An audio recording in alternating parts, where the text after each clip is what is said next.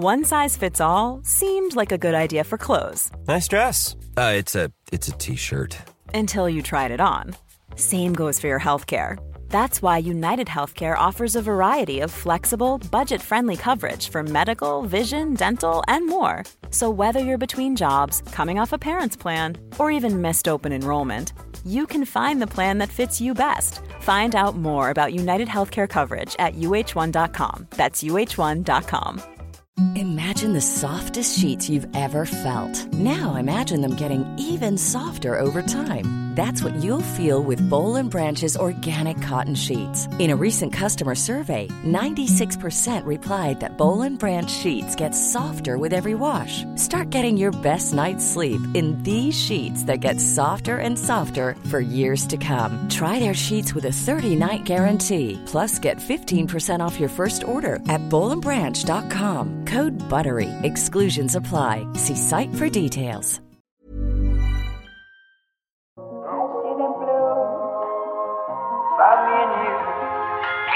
And I think to myself, what a wonderful world. Men du, eh, du var jo på Birken, du, Pølsa, og gikk. Og det gikk fort. Og Ja, du gikk bra, ta- og du var kjekt. kjekk. Du er i gang, du. Er vi i gang nå, altså? Vi er, vi er i gang. Ja, ja, introduksjonen er på eh, Hvis du vinner 'Mesternes mester', så har du også vunnet retten til å ta deg introduksjonen i gode dager. Altså, jeg mener, Ja, ja. Det, det, Sånn må det bare være. Men Da tar jeg den. Takk Ja, for at jeg får lov til å komme på gode dager. Og vi har jo hatt en fantastisk spennende uke. Pølsa har jo gått Birken og er tilbake for fullt etter en liten tur på sykehuset. Han er oppe i ringene og nikker, og jeg sto på Sjusjøen og så han komme under den lille broen og opp på flaten etter stadionet. Og så står vi, og det er masse publikum, og han vet du, hauser opp, og alle bare yeah, pølse!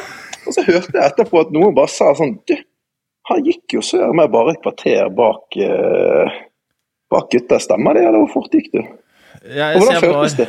Um, nei, det var mange spørsmål her, da. Eh, Men uh, veldig hyggelig å ha deg i poden, Hoffern. Um, uh, jeg var Jeg lurer på om jeg var 12-13 minutter bak uh, teten. Uh, Det er helt sinnssykt. Ja, jeg var På Karstadammen så var jeg 4,5 minutter bak. På Sjusjøen var jeg 11 minutter bak. Altså, jeg gikk så sakte fra Karstadammen opp til Midtfjellet. Jeg kom gående fiskebein opp Midtfjellet, så var det noen som sa Nei, ikke gi deg nå, pølsa. Jeg bare sånn Jeg gir meg ikke. Jeg bare er så sliten. så um, Men det var, det, var, det var dritgøy, og der hvor du sto, da, så var det så mye folk, ikke sant, så tenkte jeg jeg har ikke noe hastverk. Det koster meg ingenting å hause opp publikum. Og så gjorde jeg det, og så fikk jeg altså den responsen.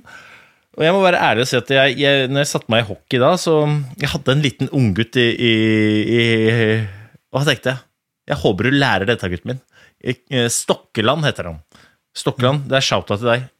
Se og lær. For det, det, er sånn du skaper litt liv i, i greia. Men, men det var um, Eh, eh, Jeg spilte inn en liten podkastsnutt når jeg kom hjem.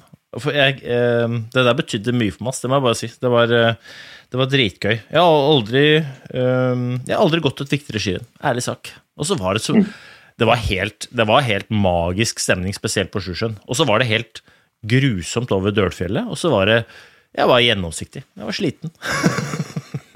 Men, Men du så jo kjempesprek ut.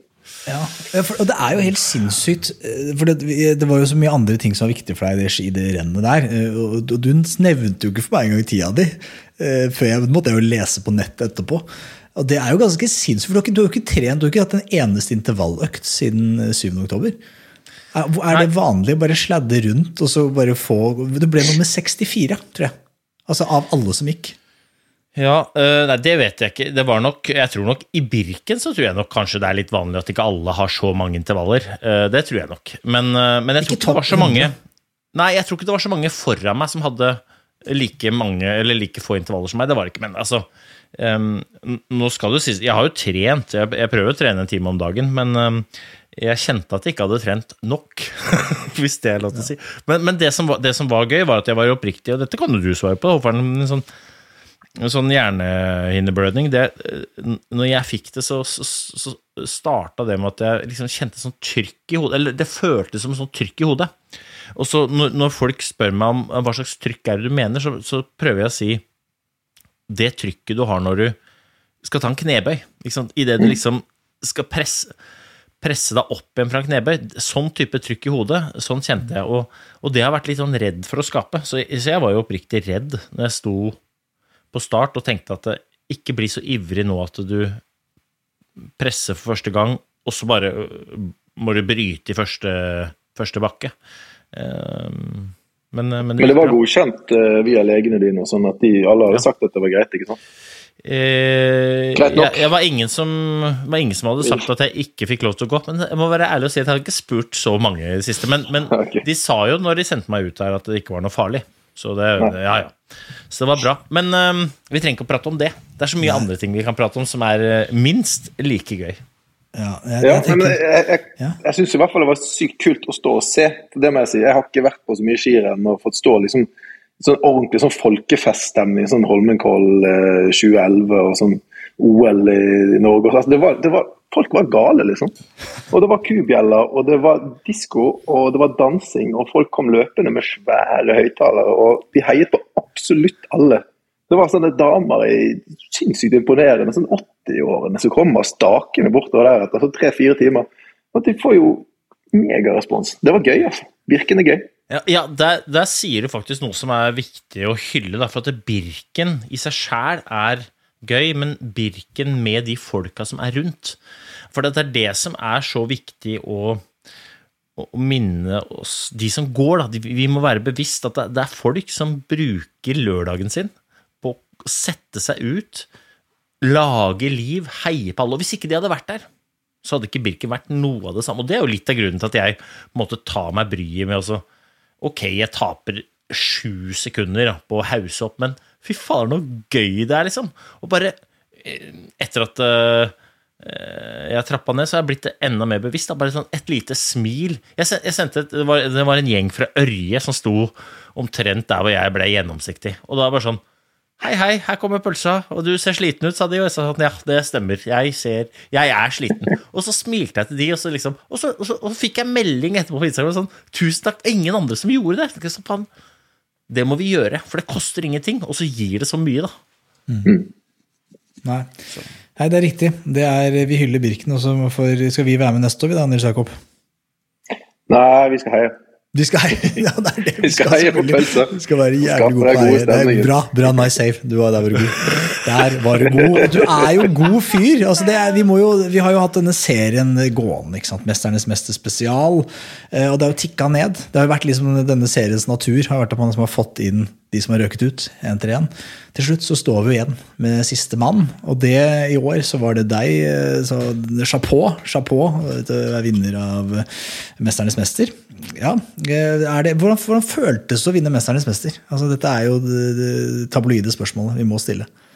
Ja, ja. Det, eh, det er to forskjellige på en måte, øyeblikk. For det første var jo når akkurat den her siste sandsekken gikk inn. Og da følte jeg bare sinnssyk lettelse over at vi var ferdig. For det hadde vært så utrolig mye kjør over så mange dager. Og du var jo der, Pølsa. Du vet jo hvordan vi holdt på. og det, Folk var slitne, og det var gøy og deilig og sånn. Men um, ja, det var sånn lettelse over det. Og så selvfølgelig var det jo kjempegøy. da. Det var god stemning, og alle kom ut, og det var fyrverkeri og champagne. og sånn, Så det var sånn seier. Eh, og så var det jo nå når, um, når det ble offentlig, da, og da har jeg jo egentlig kjent mest på at alle sammen kommer og bare sier Fader, du sa jo ingenting. Og folk er litt, sånn- de er glad, men de er sånn litt sånn skuffete. Bare, sånn, du kunne ha sagt noe. litt. Jeg har ikke lov. Men er det Du jobber jo som lege. Er det noen liksom som kommer inn som har et ordentlig traume, og som sier sånn Har ikke jeg sett deg på Det er du som vant! Åh.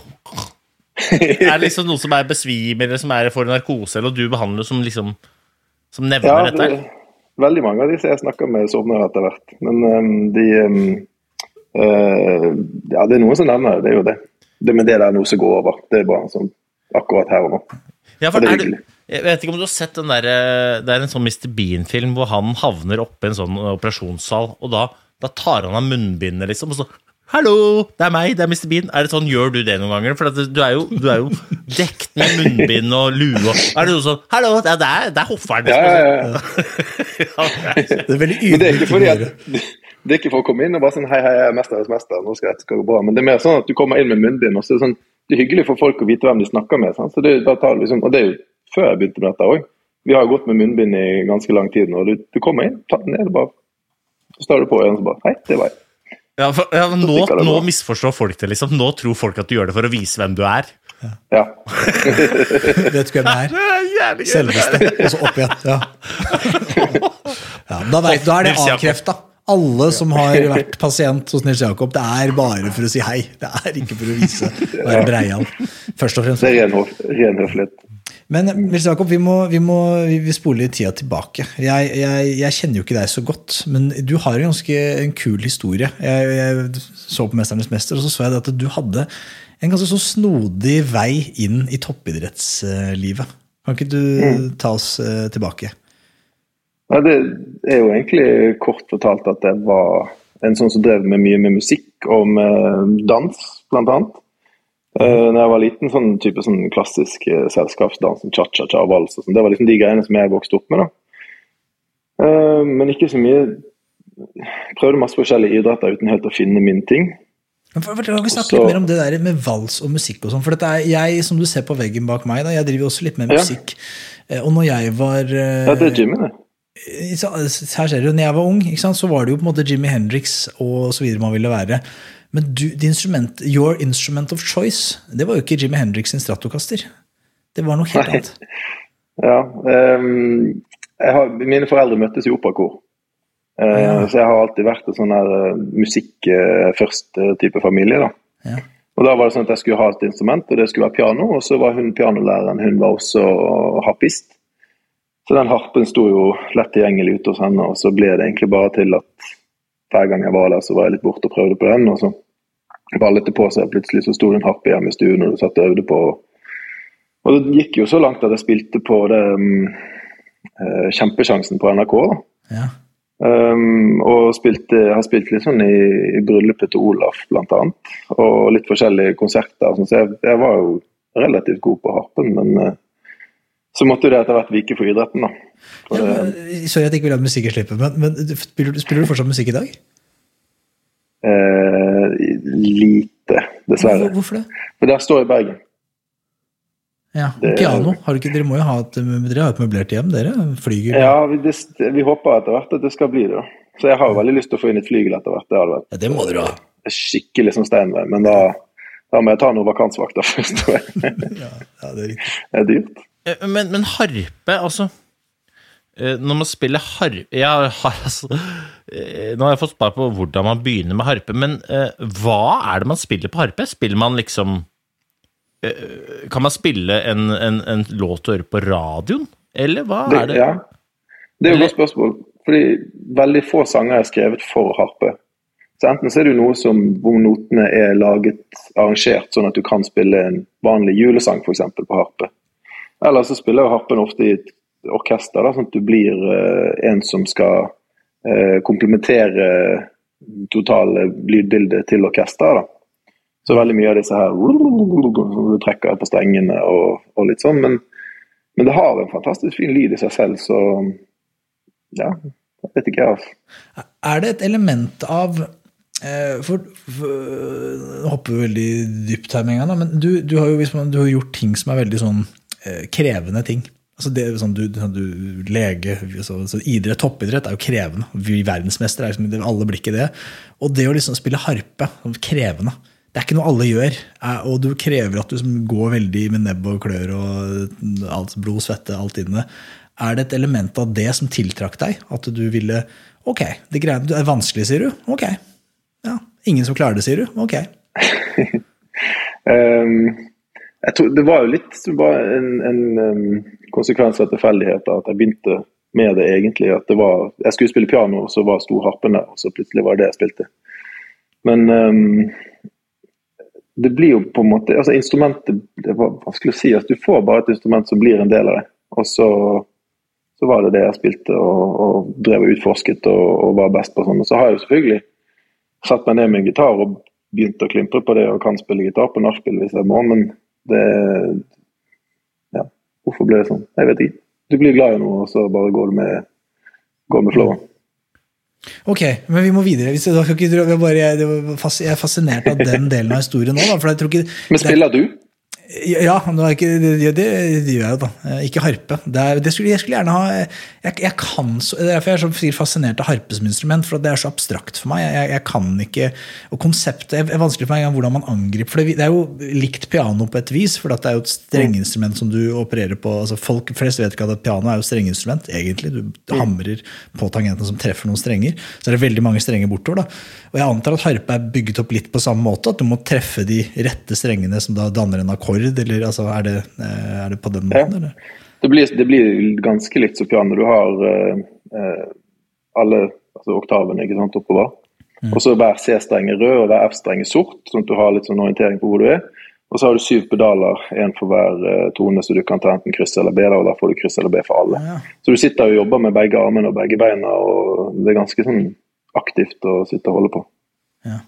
Men uh, hvis, du, hvis du er vant til å spille piano, så har du nok skjønt konseptet ganske fort, tror jeg. altså.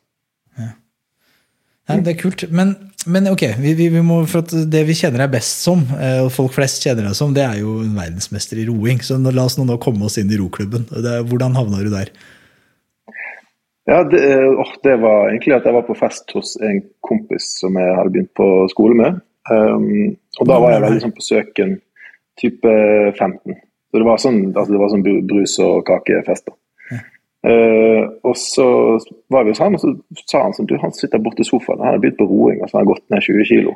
Og da var jeg litt, da var jeg var jo stor og overvektig og tenkte at uh, jeg hadde lyst til å bli en fysisk aktiv fyr som klarte å trene meg ned. da. Men jeg har aldri helt klart å finne min ting. Og så tenkte jeg at det her høres bra ut, det må jeg prøve. Dro ned i roklubben, og så blir du bare sugd inn i et fantastisk godt miljø og masse kompetanse. og De klarte å se potensialet måte, forbi, forbi eh, dårlig kondis og ekstra kilo og sånn. og Bare så, så bygningen og, og kanskje Jeg vet ikke, de, det er gode folk, de har troen på folk. Så det ble liksom kunne du noe om roing da, eller hadde du noe forhold til liksom Nei. ro eller idrett? Nei, jeg hadde da, Jeg rodde jo på det stedet hvor vi, hvor vi har sånn eh, sommerhus i Bergen. Da var det sånn at jeg pleide på sommeren så pleide jeg å kjøre ut med båten og lage bølger til romerne. Så Det var mitt forhold til dem. Men eh, Du, du, det må man ikke gjøre. Ikke fest til på roerne. du pleide å, mobbe roerne. Ja. Se på var, de dumme, du, de var det smale der det båtene. var det der det munnbindgreiene begynte allerede der? Da dro du ned munnbindet og sa 'hei, hei, det er meg', og så tok du det opp igjen, og så rodde du som faen. Ja. Ja, For da så de roklubben, de så her kommer det da en eh, For jeg antar du allerede da var ganske Hvor høy var du da? 15 år? Nils Jakob Hoff? Jeg, var, jeg var nok nesten to meter der. Ja, Så det, var, det er jo en kjempefordel i roing. Så de så nok det og tenkte at uh, dette kan vi gjøre noe med. Ok, og så, og så eh, er du da i ro... Er, det, er, det- er vi, hvor i Bergen er vi? Det er Fana? Eh, Ja. Ja, jeg føler at det er, det er der de ror i, i Bergen. Til de som ikke vet seg, Det er jo da sør i Bergen, og så er de, det er jo ofte der de det er, der de spiller, det er vel der de spiller harpe og ror, liksom. Og så er det andre steder i Bergen hvor de, hvor de driver med, med, med andre ting. Kame, kamelen er vel ikke vokst opp der? Er ikke den kamelen derfra. Skal ha respekt for kamelen. Ja, så det var ikke, det jeg sier ingenting, det er det ikke. Men, men sånn som jeg lærte deg å kjenne, Hoffern, så er det jo altså Du er jo ekstremt sindig. Altså sånn, du er rolig. Eh, kom det eh, Har det kommet av roinga? For de har jo sittet i en sånn robot, og jeg merker jo at der handler det om også man skal gjøre det man skal, men man må være rolig. Eh, For jeg merka når vi konkurrerte, eksempel, og, og også i Lynne, merker jo her du er en sånn rolig fyr. Eh, og så Jeg tenkte at å, han er så rolig, jeg tror ikke han, han der bryr seg om å tape eller vinne så mye. Og jeg er litt usikker på om du på en måte, Det kan vi jo snakke om etterpå, hva du legger i å vinne, men jeg vet jo at du ikke liker å tape. Eh, Det vet jeg, men du er veldig rolig allikevel. Altså sånn, Ofte så er de som hater å tape, de er litt sånn, de er gira i konkurransesituasjonen, mens du er veldig rolig. Er det av roinga, eller er det bare sånn du er som type? Eh, jeg tror kanskje, sånn Særlig første dagen der, så fikk jeg sånn, da hadde jeg litt problemer med å finne riktig spenningsnivå. Så det når vi holdt på med det puslespillet den frem og tilbake, og sånn, så var det jo bare kaos. Eh, og så etterpå forsøkte jeg egentlig bare å finne det, liksom, det, det rolige nivået hvor du er skjerpet, men kontrollert. og prøvde å ikke helt få fullstendig overtenning. Mens i, i roing så er det jo gjerne mer at du skal bare hente ut maks. Så der, der kan du gjerne gire deg skikkelig skikkelig opp før start og sitte og være helt sånn oh. Men um, her var det så mye uforutsette ting at jeg tenkte det var lurt å kanskje holde litt Det der var Rolig. interessant. Finne det rette spenningsnivået. For er ikke det liksom du har beskrevet til langrenn, Øystein, at det er noen som skal gå femmil, og så er det så kaffe og full giring og Holmenkollen, og så vankes det løs. Og de har kanskje ikke det, det rette spenningsnivået. Det kommer helt an på forutsetning, men det der er jævlig spennende, for jeg tror veldig mange som glemmer å øh, reflektere over hvordan de er når de presterer på sitt beste. Da. Altså, Hva er mitt optimale spenningsnivå i forhold til den aktiviteten jeg skal gjøre, og hva er det det krever? Ta, ta, ta Birken, for eksempel. Da. Mange som lytter på her, som sikkert holder på med mosjonsidrett. Og så kan du stille et spørsmål du som lytter, hvor, hvor bevisst er du på hvordan du må være når du skal stelle på start og prestere? Hvilken tilstand er du i? Veldig, veldig, veldig mange på Birken bruker alle kreftene sine før start. Og så står de på start, så er de helt ferdig. De har liksom, det er brukt altså så mye energi. Når de skal gå rennet, så er de allerede ferdig. Eh, Og der tror jeg at eh, mange har veldig mye å hente av, ikke nødvendigvis bare av de beste, men bare gjennom å sette seg ned og på en måte reflektere litt over hvordan tilstanden er jeg har lyst til å være i. da. For det er så lett å bli en del av omgivelsene, og hvis da omgivelsene er stressa, så er du stressa selv plutselig. Og det, det tror jeg man kan se sånn som i 'Mesternes mester' også. Vi hadde jo blant annet sånn den derre reaksjonsøvelsen som var helt i starten. Vi, sånn gruppa hadde ikke helt satt seg. Vi visste ikke helt. Alle visste at det, sistemann rykker ut. Og så eh, istedenfor da å tenke at man må være først, så tenkte jeg ikke vær sist. Og så er det noen som er så gira her at det, de kommer til å gjøre feil. Jeg sto ved siden av Hoffern. Det var jo jævlig mye, men Hoffern kom jo langt. Jeg tror han hadde en bedre tilnærming enn mange. Da. Det, liksom, det der, å finne det der optimale spenningsnivået. Jeg sier ikke at jeg er perfekt på det, altså, men jeg, jeg, jeg er veldig bevisst på det, liksom slik at du klarer å prestere. Hva er det som gjelder her, sånn, og hvordan er det jeg må være når startskuddet går? Men det er mange som virrer mye. Jeg husker vi snakket om det der etter den konkurransen, og du sa, du sa akkurat det som du sa nå. Mens jeg hadde jo vært sånn bare maks, maks, maks, maks, maks, maks, maks, maks ikke sant? Og hendene står og rister, og det var sånn, skal frem, skal bak, opp, ned. Men um, du så hvordan det gikk. Så det var, det var Ja, men tips, altså. du, du vant jo for så vidt, du, da, så det var helt greit, det. det Ja, det var lært litt av pølsen. Og det, det var jo, det, og, det er mange som har sagt det til meg etter den der eh, famøse ringkast, eh, ringkastinga mi. Liksom, jeg skjønner at du ble stressa, så sier jeg at eh, ja, jeg, jeg, var helt sikkert påvirka at de andre kom, men det du ikke ser, er at jeg står der et kvarter etterpå og kaster, og jeg er like dårlig liksom lenge etter at det går ikke an å være stressa når eh, alle er i mål og de pakker ned kameraene. og men jeg er fortsatt like, like dårlig, liksom. Så det er ikke alltid at det er, eh, det er fokuset som Det er noen ganger det er evnen også som er dårlig. Ja, jeg tror ikke det, jeg tror ikke det var rent stress som gjorde at eh, de ringene gikk litt hit og dit der. Altså. Med all mulig respekt for, for deg og dine Jeg har sagt at det finnes folk Så lenge du kan kaste, så er du bedre enn meg. Bare du kan kaste, så er du bedre. Nei, Men, men. Jakob, når du var i denne alderen her, og du er liksom du sier du er overvektig og sånn eh, Hvordan liksom eh, Var du litt sånn når du begynner på roklubben du driver med litt, er, liksom, er du søkende etter Var du litt utafor? Ja, jeg var jo veldig utenfor på barneskolen spesielt, hvor det var liksom, jeg var en liten tjukk gutt med briller som spilte harpe.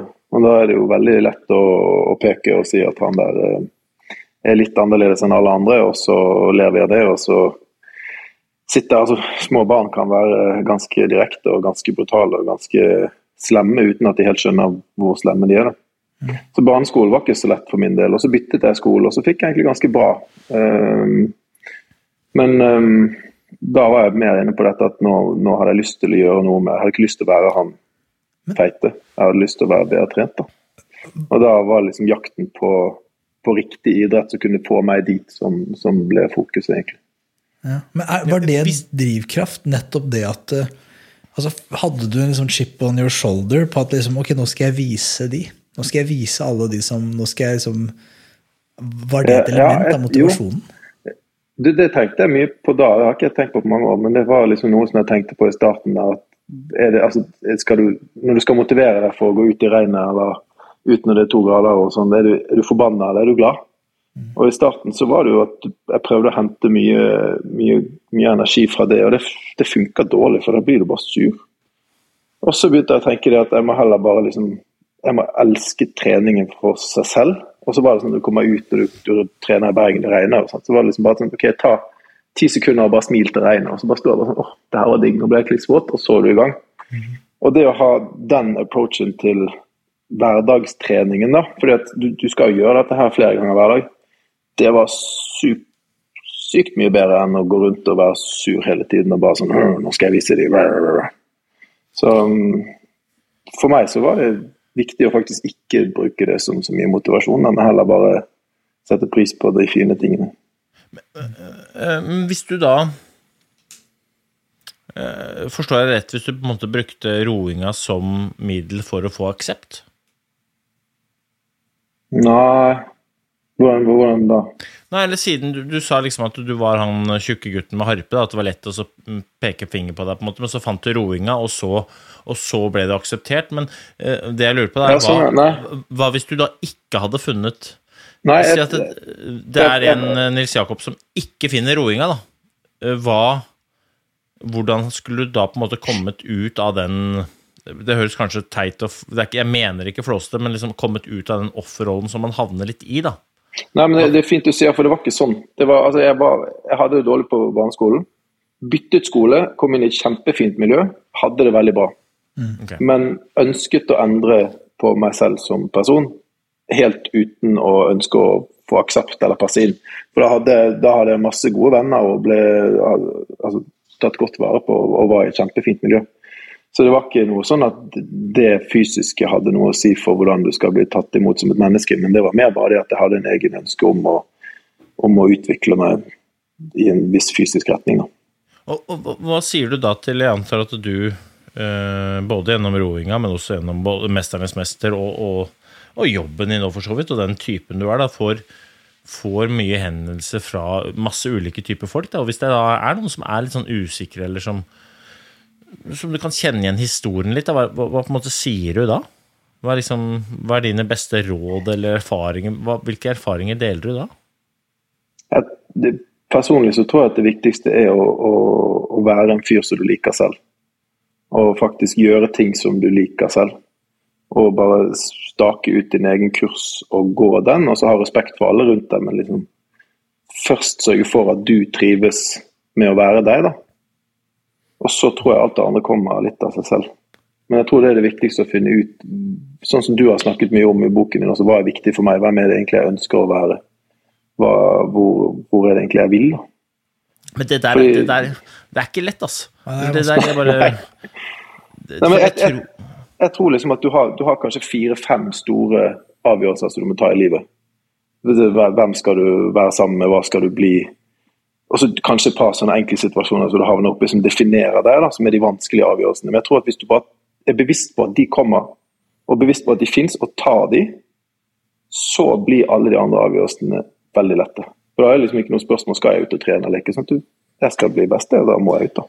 Ja, jeg, jeg, det der er Og dette tror jeg er dette tror jeg i hvert fall Det kan godt hende at det er feil å si at de unge kan kjenne seg igjen i. Jeg tror det er mange voksne som kan kjenne seg igjen i òg. Akkurat den derre Ja, den der, Man er så opptatt av at hva alle andre skal synes om en. Altså, man er nesten mer opptatt av det enn hva man synes om seg sjæl.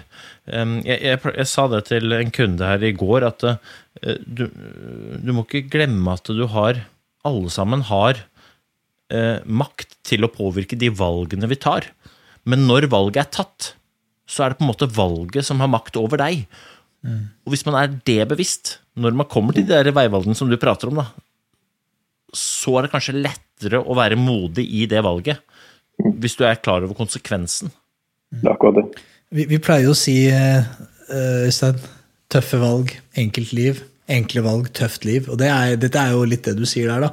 Men jeg er litt nysgjerrig på, Nils Jakob, gitt at hvordan eh, hvordan ville livet i dag vært Hvordan Nils Jakob vært i dag hvis han ikke hadde bytta skole? For det virker som at det var litt tilfeldigheten som gjorde det her, at du bytta skole. Eh, For det er jo det Ja. som Hva ville skjedd? Hadde Det var jo egentlig det har jeg også lurt på. Det var jo egentlig veldig bevisst eh, valg fra både ja, egentlig min mors side. altså Hun så at jeg hadde ikke det så bra, og tenkte at uh, her bare trykker vi kontroll alt litt.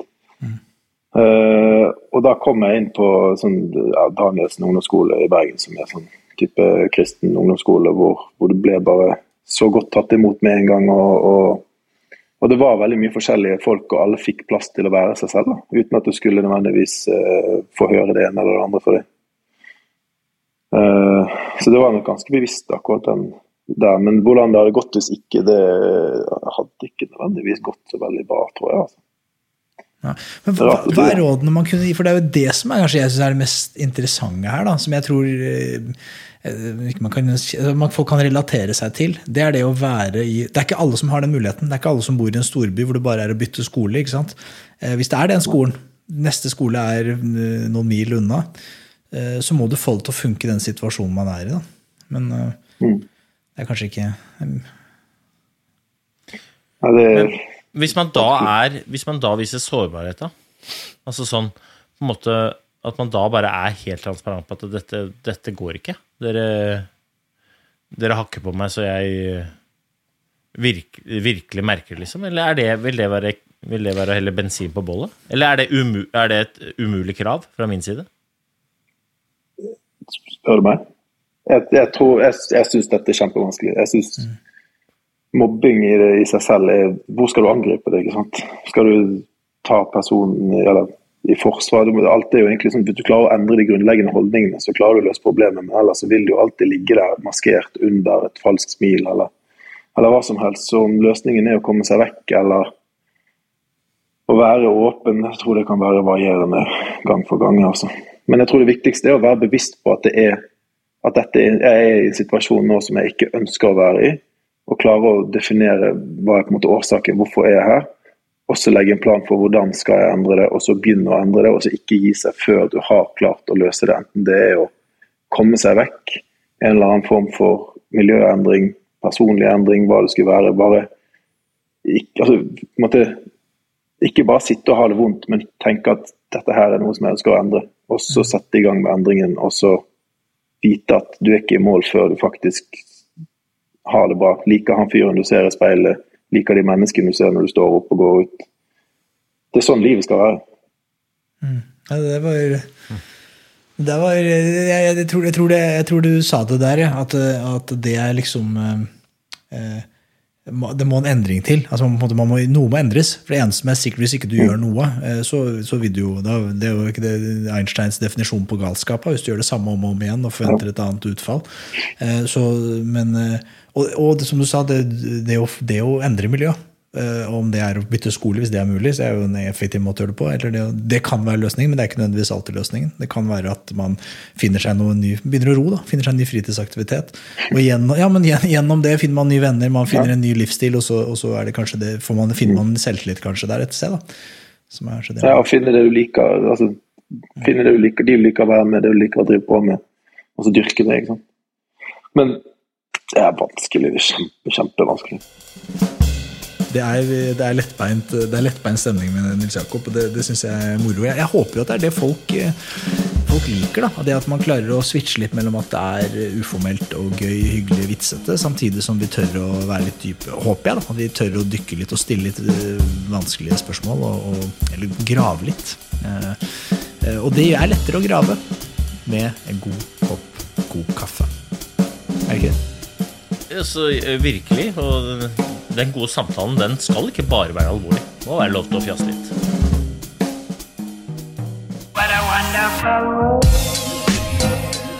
Dette blir kanskje Det er jo helt ut av kontekst, da, men eh, denne erfaringa her sånn, da, den, det du sitter og sier her nå, da, når eh, Når da Therese havner i i den der dopinghistorien sin, og liksom alt bare rakner på hun da. Er det en erfaring som du brukte da til å så på en måte ta, ta tak i, selv om det ikke er noe mobbing her, sånn, så er det jo en livskrise for henne. Var det, måte, ble det en, en styrke for dere og for henne, at du kunne rasjonalisere og bryte ned og si ok, men dette må vi forholde oss til? Uh, ja. Det, jo, det er jo veldig mye å si om akkurat den situasjonen. Jeg tror det viktigste er jo den jobben som ble gjort, og det var jo hun som gjorde. Og det tror jeg Jeg hadde i hvert fall vært i stand til å gjøre det som, som hun har gjort der. Men akkurat når vi først havnet i den situasjonen og all mulig mulighet for på en måte glede med idretten, det å gå skirenn eller gå med vennene dine faller bort, da, så ble det jo veldig å fokusere på alt det positive som var igjen. og naturopplevelsene og bare det å på en måte kunne være sammen ute. Og vi, vi hadde det på mange måter veldig fint, altså. Med, vi hadde arrangerte våre egne skirenn og satte opp granbar i snøen og flagg og på en måte prøvde å, å, å ha det gøy med ski. Og ja, det, det Man må prøve å fokusere på, på de positive tingene. Hvordan, altså, hvordan angrep du måte, Hvordan angrep du den situasjonen der sånn? Når du på en måte du står der Du får ikke gjort noe, eh, annet enn at du må bare prøve å jeg vet ikke eh, Lindre eller altså jeg, jeg, vet ikke engang hva jeg skal si, da, men hvordan, liksom, hvordan angrep du den situasjonen? Ja, det er kanskje sikkert ganske likt som f.eks. de rundt deg har, har, hatt det nå når du plutselig havner på sykehus. at det er sånn, man kan ikke, De kan ikke gjøre deg frisk igjen men de kan bare passe på at du har det så godt som mulig. Og det er jo det, er jo det man, når man stiller opp for sine nærmeste, at uh, prøver å på en måte legge alt til rette for at de skal klare å, å ha det så godt som mulig. Da. Men um, det var en rar tid. Fy. Vi snakker om uh, Therese her. Hvordan, uh, hvordan møttes dere? Ja, det, det, var jo det Det har jo vært masse i media, da. Ja, men jeg, ikke, jeg, jeg, jeg leser jo ikke Se og Hør så ofte som deg. Jeg, jeg, klarer ikke å få med meg Jeg får ikke med meg alt dette Einar Jakob. Jeg, jeg klarer ikke. Nei, vi, vi møttes bare på uh, Hun hadde vært på noe greier, og jeg hadde vært på noe greier, og så sto jeg skulle om bord på et fly i Zürich, tror jeg det var. Og så sto Olaf og snakket med Marit, da, Tufte og, og Bjørgen. Ja. Og så sto jeg bare litt sånn i bakgrunnen, så sto hun litt bare i bakgrunnen, og så sto vi og kikket på hverandre og sånn. og så gikk vi om bord på det flyet, jeg satte meg, eller endte opp med å sitte rett bak henne. og så var det sånn på det flyet at det var noen som hadde besvimt baki, og så hadde de ropt masse på høyttalerne. Sånn, er det et lege, er det et lege? Og det var jo ingen leger der. Og jeg var sånn tidlig medisinstudent og satt med headphonesene på og fikk ikke med meg noen ting før de plutselig bare ble revet av. Og så jeg bare sånn Nei, du må komme. Og da husker jeg hun snudde seg og så på meg, og så var jeg, var jeg, jeg, var, peiling på hva jeg gjør, men jeg bare reiste meg opp og sa det her går bra. Ned med munnbindet igjen, da, eller? Ja, det, er, det, er, det er meg. det er meg. Fremtidig Mesternes mestervinner. Halla, hva skjer da? Halla, jenter. det er jævlig bra. Fremtidig Mesternes mestervinner. Ja, det er, det er uslåelig. Det er uslåelig. Ja, okay, så, det er et triks verken du eller jeg kan bruke noen gang. Altså. Aldri. aldri sjakkmatt. Men, men okay, da, og da var, det var liksom, og da knytta litt kontakt og liksom, med SMS, og så var det i gang. Jeg ville tenkt at det var noe sånt, at det var, altså det var jo indirekte med idretten, da, men det var jo faktisk, her var det faktisk legetittelen din som faktisk spilte deg god. Ja, ja da. Nei, vi var jo i samme miljø, så jeg fikk jo Ja, det gikk seg til. Det er greit. Stopp der. Dette er ikke sånn type podkast. idrettsmiljøet i Norge er ganske lite. Hans. Ja, det, er det. Altså, det er sånn idrettsmiljø en, en, Uansett om du holder på med det ene eller annet. Hvis du er i en viss tilknytning til Olympiatoppen, så, så, er jo på en måte Da er alle samme miljø, da. Ja. Mm. Uh, Men det er jo det som er fint med Olympiatoppen, at alle blir kjent på tvers av idretter og trener med hverandre og ser hva de andre gjør. og henter inspirasjon og sånn. Så en liten sånn uh, kudos til Olympiatoppen slengt inn i der, det, det fortjener jeg faktisk. Apropos. Ja, for det, det, er jo litt Det er jo litt, det er jo litt Mesternes mester uh, vibber i matsalen eller i, i, i, treningsrommet på Olympiatoppen. For da har man jo en haug av utøvere med ganske sterkt eierskap til prestasjonsbegrepet, men med veldig ulike perspektiver på selve begrepet. Mm. Og, og når man da begynner å prate sammen, så skaper man ganske mye gode uh, diskusjoner rundt et begrep som alle sammen lever av og ånder for. Og det var jo, altså, og man, man, går jo rundt og prøver for, altså, du, du, ser bryterne driver og kjører øvelser og så tenker sånn, at den var ikke tom, og så begynner du å gjøre det samme selv. Ja. Og så driver man og tester ut. sånn så Vi hadde jo Vi driver med sånn benktrekk der hvor du ligger oppå en benk og så løfter du opp en, en vekst, en sånn type omvendt uh, benkpress. Og da var det en av disse her store guttene som, som eh, lever av å kaste tunge ting langt. Kom bort og hadde kikket på oss en stund og så bare sa Det her ser tungt ut, gutter. Kan jeg få lov til å prøve, da? Og så sier bare ja, ja, ikke tenk på det. Og så legger han seg nedpå så tar han det som en av de største guttene våre tar. da. Han bare, du ser han, som, han har ikke løftet dette før og driver og lader og lader og lader og skikkelig klar. Og så bare løfter han så bare så bang, går rett opp og hele benken går i stykker. Så folk, altså, du, du, du ser hvor forskjellig byggesfolk er og, og hvilke forutsetninger man har. Det, det er ganske kult. Men hvordan fungerer Olympiatoppen? Er, altså det ligger jo da i Oslo opp ved Sognsvann, eh, sånn jeg har forstått det. Er, er det er, Trener man der daglig? Sånn som du, Øystein, du driver med langrenn, du er jo mest ute i skauen. Har du styrkeøktene dine der? Og Hvordan, hvordan funker dette? Dette, dette, er, dette er litt forskjellig. Det er jo noen idretter som trener mer på Olympiatoppen enn andre. Jeg tror nok at langrennsgjengen kanskje er den gjengen som trener minst der. Men det var Nå høres jeg ut som en dinosaur, da, men på min tid eh, så, så var det jo liksom Da var det sånne basisøkter som jeg syntes var veldig ålreit. Å få lov til å da hadde vi sånne styrkeøkter eh, på morgenskvisten der, hvor, hvor alle idrettene, på en måte, eller alle som ville, uansett idrett, samles, og så trente vi basisstyrke, medisinball, strikk, tjo og hei. Eh, så det var jo stort sett det vi gjorde, da. Men nå, eh, nå er det jo litt mer rulleskimølle og litt sånne ting, da. Men eh, det er nok noen idretter som er der mer enn langrennsløperne. Det er det nok. Men jeg vet ikke, roerne var jo Ja ja, dere var jo der litt, men det var ikke sånn sjukt mye, dere heller? Nei, og så er jo vi gjerne ute og konkurrerer når dere er der og trener, og så er dere ute når vi er der og trener. Så det går liksom om hverandre. Men jeg husker at Romøren faktisk er en av de som jeg, husker at jeg har sett der oppe, hvor han lå tøyet inne på det ene rommet med ringene på gulvet. der. Og han, eh, han, altså, han var så myk at du kan ikke tro det. De beina gikk alle veier. Og det husker jeg det sitter igjen for meg som et sånn øyeblikk hvor jeg tenkte sånn «Ja, Det er mulig, faktisk. Så det er kult. Du, du, man blir inspirert.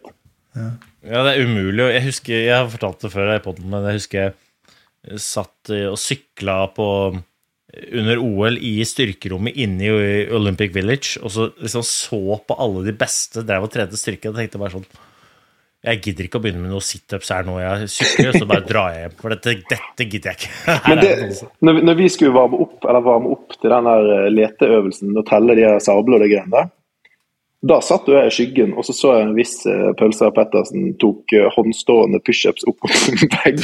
Og da, da fikk jeg akkurat samme følelse. Jeg sånn, Nei, jeg trenger ikke varme opp, jeg bare sitter her. Hva var, hva var rasjonalen bak å ta kjøre håndstående pushups? Blod til hjernen, sikkert. Blod til hjernen! Det, det, jeg, jeg kan ikke huske det. Jeg tror kanskje den hjerneblødninga begynte da. For det der husker ikke jeg, faktisk. Så kan hende at han så feil av meg og romøren. Jeg tror faktisk det. At det var romøren som sto på Ja, Men vi, må jo snakke litt om, om eh, roing òg. Du er jo tross alt verdensmester i roing òg.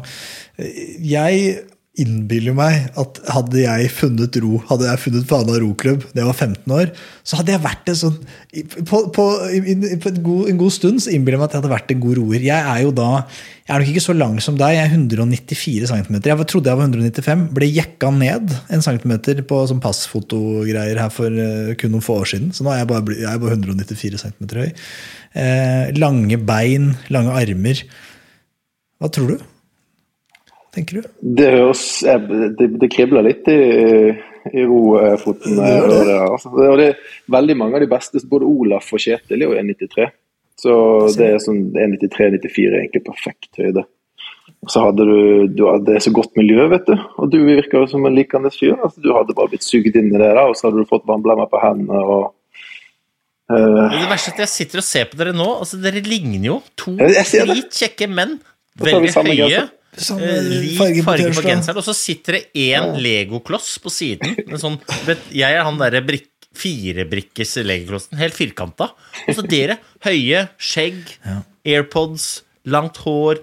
Nils Jakob, Det er gøy å der det, fordi at på min telefon så er det to, eller jeg og Hanso, vi er rett ved siden av hverandre. Og jeg har sittet og tenkt på det at det, det, han ligner faktisk litt på Eller jeg ligner på han, da. Han ligner på meg. Ja, det, men helt til dere setter i båten. Da tror jeg faktisk jeg hadde sett hvem som var hvem. Ja, men har du det samme For jeg har en sånn, eh, en sånn irriterende biologi som gjør at eh, jeg har jo lyst til å bli stor og sterk. Ikke sant? Det som alle menn eller gutter har lyst til. Men, men når jeg går inn på gymmen Jeg jobber ganske hardt for det, for jeg, jeg tror jeg har en sånn viss sånn. Men, men det, det, det, går så trått. Kroppen min vil ikke spesielt. Sånn knebøy og de øvelsene hvor folk Jeg ser kompiser som bare sladder inn, trener mye mindre, spiser dårlig, blir sterke. Eh, Jeg blir Jeg, jeg, jeg, slåss for det, men det går trått og er vanskelig. Og, så da, så hadde jeg en podkast her med han, en kul fyr som heter Max Prestasjon. Eller han heter ikke det, men han kaller seg det på Instagram. Max. Max. Max Han heter Andreas Stokkeland. Men, men, dere, må, dere må sjekke han ut på Instagram. Max Prestasjon. Han kan masse om trening og kosthold og sånn. Og da sa han, da sa han noe som var ganske sånn hardtslående til meg. Han sa det er bare genetikken din, sannsynligvis. Ja. Kan du Det, jeg tror vi er samme personene, altså. Det vi har akkurat det samme. Ja. Det jeg, jeg løfter og jeg løfter og jeg løfter. og jeg løfter. Men nå har jeg bare gitt opp det. Nå har jeg lagt opp og gitt opp og bare Det er, det er to ting her, da. Altså, vi må ikke glemme at uh, Ho- Hofferen eh, han bærte noen sånne sandsekker fram og tilbake så han ikke gadd Ja, det er riktig. Og så, Han kunne gått altså, han kunne gått enda. Så, virkelig. Så Hoff er dritsterk. Og så tror jeg du, Hanso, du, du sa jo at de hadde litt sånn dårlig kosthold, de kompisene dine, men de bygde på seg muskler og sånn. Altså, ditt kosthold, når du skal bygge muskler Du har sagt til meg opptil flere ganger at du spiser en kartong med kronesis hver kveld for å legge på deg muskler. En kartong med kronesis! Altså, Vi må ringe er han som heter er Max Prestasjon. Off-skryt, det er off, dette er podkast-snakk. Ja, det, er, det er riktig at jeg trenger litt kalorier for å, for å bli Det er riktig at det, det, er, det, er, det er riktig at det trengs litt kalorier. Og jeg er også med deg på at det ikke er den, den beste, sunneste måten å få i seg de kaloriene på, men det er en ganske fornøyelig måte å få i seg de kaloriene på. Ja, for, ja, det er for at hvis du går inn på Better Bodies sant, på Lillestrøm stasjon der og skal kjøpe et eller annet sånn uh, gainer eller vet ikke hva det heter for noe, så er det ikke, det er ikke kronesis de fleste velger. Pulverisert kronesis, er det ikke det? Jeg er usikker, det smaker jo litt sånn. Det er mye sukker og fett. Ja, nei, jeg vet ikke. Det er jeg ganske sikker på, faktisk. Men, eh, men du, du spiser det og tenker at det er rart at ikke jeg bygger muskler. Det, det, er, det er greit. Det er notert. Vi får ringe Max Prestasjon. Eh, Det er bare å google han på gule sider under Max Prestasjon. Og så skal vi Max. Max. Ja, det er en superhelt. Broren til Max Power. Det er Max, Max prestasjon. Og er søstera til Pepsi Max, nei. Er ikke det en fyr som så at det, Nei, altså, det er- er en fyr som kjører Indycar, men han heter Willpower, han tror jeg. Ja. Det er ganske mye gøy navn man kan ha. Nei, det er han der på reklamen. Er det ikke det? Det her må vi sjekke ut. Dette glir fullstendig ut. Dette glir helt fullstendig ut. Men det er sånn det skal være. Det er sånn vi liker eh, det. Er sånn vi eh, liker det. Eh, nei, men Nils Jakob, jeg, du er jo en kul fyr, da. Jeg har ett Ja, spørsmål. Jeg har ett spørsmål. For jeg, jeg sa jo i stad at jeg, jeg vet at du ikke liker å tape. Det vet jeg jo. Eh, men så er jeg litt usikker på hva du legger i å vinne, eller hva på en måte er Hva mener du på en måte Når er du en vinner? Eller hva er en vinner? Du, øh, du har vunnet VM. Eh, Du bor sammen med en dame som eh, har vunnet eh, et skirenn eh, her og der. Eh, Du har vært i toppidrettsmiljø. Du er lege. Eh, Du spiller harpe. Eh, Du har vært eh, mobba. Hva er en vinner? Mm. Det kunne jeg trengt en uke på å tenke på. Tror jeg. tror hvis du bare Nei, men jeg tror hvis, hvis, hvis du våkner opp og tenker at eh, jeg liker livet mitt, og jeg liker han fyren jeg ser i speilet, og jeg liker menneskene rundt meg, da tror jeg du er minner. Og hva som får deg dit, det må jo være å finne ut av. Og jeg tror ikke nødvendigvis at disse, alle de tingene som du nevner, er en grunn til at jeg trives sånn som jeg gjør. Da. Men jeg tror mer sånn som du sier, at det å, altså prosessen med å komme dit, og de utfordringene som man møter, og det å lære å håndtere det og sånt, det, legger du alle de tingene etter hverandre, så tror jeg kanskje man til slutt kommer dit hvor du har klart å definere for deg selv hva som er viktig, og faktisk kanskje har klart å oppnå noe. Jeg fikk litt ble litt, eh, jeg hadde flere spørsmål jeg, når du- kom med dette. For det, det, du, er, du er jo lege i dag, og det, det er jo viktig. Viktig rolle. Det, er jo, det er jo bra å være lege. eh, Men når du er toppidrettsutøver, så jakter du en eller annen sånn form for liksom, Det er noe nerve i det. da? Det å, Du konkurrerer og sånne ting. Som jeg innbiller meg at ikke man får på samme måte som lege. Savner du det? Eller får du det? Eh, jeg tror vi, Jeg jobber på et veldig bra sted da, med veldig bra folk, og vi har ganske, ganske mye det samme samholdet på vakt som, som jeg hadde på roing. Som jeg savner, det, det, den følelsen av å vite at det er en eneste ting som er viktig her og nå i livet mitt, og det er å få til denne tingen. Fordi du, du har en sånn følelse av at alt står liksom helt klart for deg hva du skal gjøre og hvordan du skal gjøre det. og så er du på riktig sted til riktig tid, og alt føles som at du gjør de rette tingene. da. Men um, det, det har ikke jeg skjønt så mye, ikke i samme grad etter roingen. Jeg vet ikke hva med deg, Pølsa. Du har jo mye i familien kanskje som er at når du kommer hjem med pappa, så er du på rett sted? eller? Ja, jeg, jeg vet ikke jeg, jeg, Ja, det kjente jeg jo liksom jeg eh, Nå har jeg aldri vunnet så innmari mye, da, men liksom det, det jeg savner Vi skal si at jeg savner noe. OL?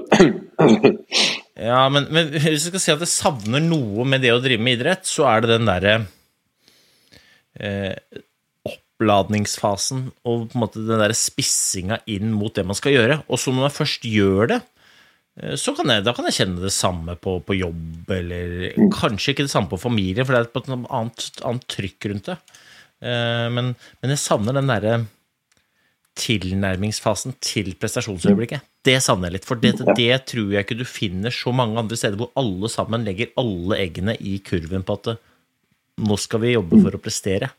Den, den, den savner jeg, men selve, selve konkurransesituasjonen, den, den føler jeg at jeg, eh, jeg kan få, da. Og, og mestringa også er det samme. Jeg husker du sa jo at du, du kunne gå inn og så liksom hvis ting gikk bra på, så kunne du juble litt for deg selv. da. Liksom, mm. og, så, sånn gjør jeg også. Jeg har noen ganger jeg sitter og synger på sanger man ikke burde kunne utenat i bilen på vei hjem, ikke sant? Så koser jeg meg. Mm. Så, mm, men akkurat den derre um, Og jeg tror kanskje ikke at Det vet ikke, det blir kanskje feil å si at eh, man ikke kjenner til den fasen hvis man ikke har drevet med toppidrett, men eh, jeg har ikke i hvert fall funnet den, den type tilstand i, utenfor idretten. Det er ikke. Og det er rart, det er det er på en måte ikke, det er ikke medaljene og pokalene og krysse målstreken nødvendigvis som du sitter og savner, det er prosessen. Ja. Det, det er den du sitter og virkelig savner, og det er fint. Jeg, jeg, pleier å, jeg pleier å si det at det også En ting er å vinne en medalje, det er greit, men det å jobbe for å være i stand til å vinne den, det er nerven. fordi at hvis premisset er at du må vinne den for å så lykkes, da, i hvert fall slik jeg ser det, så, så er veldig mange dømt til å få bli tapere. For det er bare én medalje. Det er bare én gullmedalje å vinne. Um, men det å være i stand til å, å vinne det, det Det kan hende at det er bare en sånn failsafe fra en medium skiløper fra Groruddalen, men um, jeg mener det. Jeg føler litt djevelens advokat på dere der. Så tror jeg at uh, dere, dere kommer jo fra toppidretten, og da er det jo et, det dere beskriver et lag som, som alle trekker i samme retning for å oppnå et resultat. og Det er måte det, er det viktigste. Det er det ene som betyr noe for oss. vi skal nå det. Og, og det er nok mer ekstremt i toppidretten enn det er i for næringslivet. Men, men jeg kan jo kjenne meg igjen i litt de samme følelsene med det jeg har gjort. Da, som måtte, ikke, ikke har vært brukt tida mi i toppidretten, da, men i, i næringslivet eller i, i, i, den verden. Da. Jeg har mine kompiser som jeg har jobba med, laget egen bedrift med. Vi er på et lag. Vi, dette, er- det er alt for oss. da, Vi har gått all in. Det er dette som det må funke. Briste eller bære. Alle putter inn det de er gode på. Alle eh, gir gass. Alle trekker i samme retning. eh, For å oppnå resultater. Eh, så om det, det, er, kanskje ikke like gjevt eller like mange som er villige til å skrive om det som om man vinner et OL-gull, men, men, men for oss så betyr det jo enormt mye. da, og, det, og, det, og Jeg kjenner meg, jeg kan relatere meg til den der følelsen av at prosessen, det er det som er gøy. Det er jo det å være på vei som er det morsomme. Og så når kommer resultatet, så er vi jo, vi er jo for lengst. Når det resultatet oppnås, så er vi jo på neste, neste mål. Men det, det, det der er bra du sier, da, men samtidig så um, Ikke underselg det derre uh, ditt mål, da, for hvem er vi til å moralisere over ditt mål? Jeg tror, jeg tror, jeg tror så lenge det er ditt mål, er noe du, du eller dere bryr dere om, så er det jo helt er- Vil det jo være like viktig for deg som et OL-gull eller et VM-gull er for meg og, og Hoff. Uh, Og så er det jo ikke noe tvil om at jeg i og med at jeg ikke kjenner på den når jeg jobber nå, da, så må jeg kjøpe meg kronesis. Det er ikke noe tvil om. Det er jo, er kronesis som er greia. Liksom. Jeg, er helt, helt enig med deg, bare for å avslutte. Nei, jeg er enig med det du sa men, men eh, Se og Hør, eh, som vi snakka om i stad, er ikke like interessert i det målet. Eh, Selv om det er viktig for meg, så er det ikke like, eh, sånn like allmennyttig, eh, kanskje. Da. Eh, Men, eh, men sånn er det. Du? Eh, Men kanskje de er interessert hvis du nevner det med kronesis. Vi må få sagt krodesisten. Altså, jeg, jeg, jeg, jeg gir meg ikke før du står på side 12 i Se og Hør og spiser kronesis med begge hendene og bare dytter inn i Er det noen som kan få det til å skje, så tror jeg det er deg. Men folkens, vi må, vi må gi oss mens leken er sånn noenlunde grei. Eh, Nils Jakob, det har vært en ære å ha deg på besøk. Du er jo en, en ledestjerne. Da. Altså, i- 'Mesternes mester' at du vinner det stas, og det er fortjent, og alt er bra, men liksom eh, alt annet du har gjort, og den derre eh, I hvert fall du vant meg med hvordan du sto med Therese der eh, når det storma, og fremsto som en skikkelig bauta. Eh, Så mm, hel ved. Hel ved. Ja, takk litt så Men eh, ja. Det var mange fine ord. Det er bra. Vi, vi snakkes. Håper du har lyst til å komme igjen. Og så bare sier vi sjalabais. er. Krones. Is. Krones is.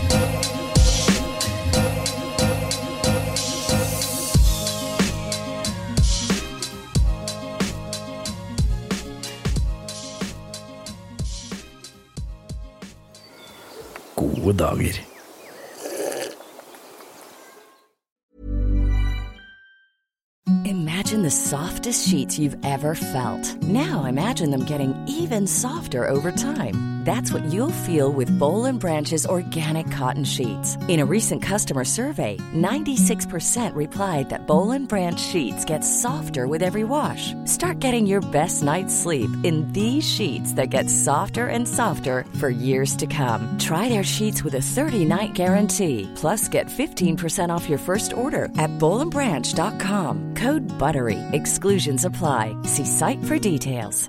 Planning for your next trip? Elevate your travel style with Quince. Quince has all the jet setting essentials you'll want for your next getaway, like European linen, premium luggage options, buttery soft Italian leather bags, and so much more. And is all priced at 50 to 80% less than similar brands. Plus, Quince only works with factories that use safe and ethical manufacturing practices. Pack your bags with high-quality essentials you'll be wearing for vacations to come with Quince. Go to quince.com slash pack for free shipping and 365-day returns.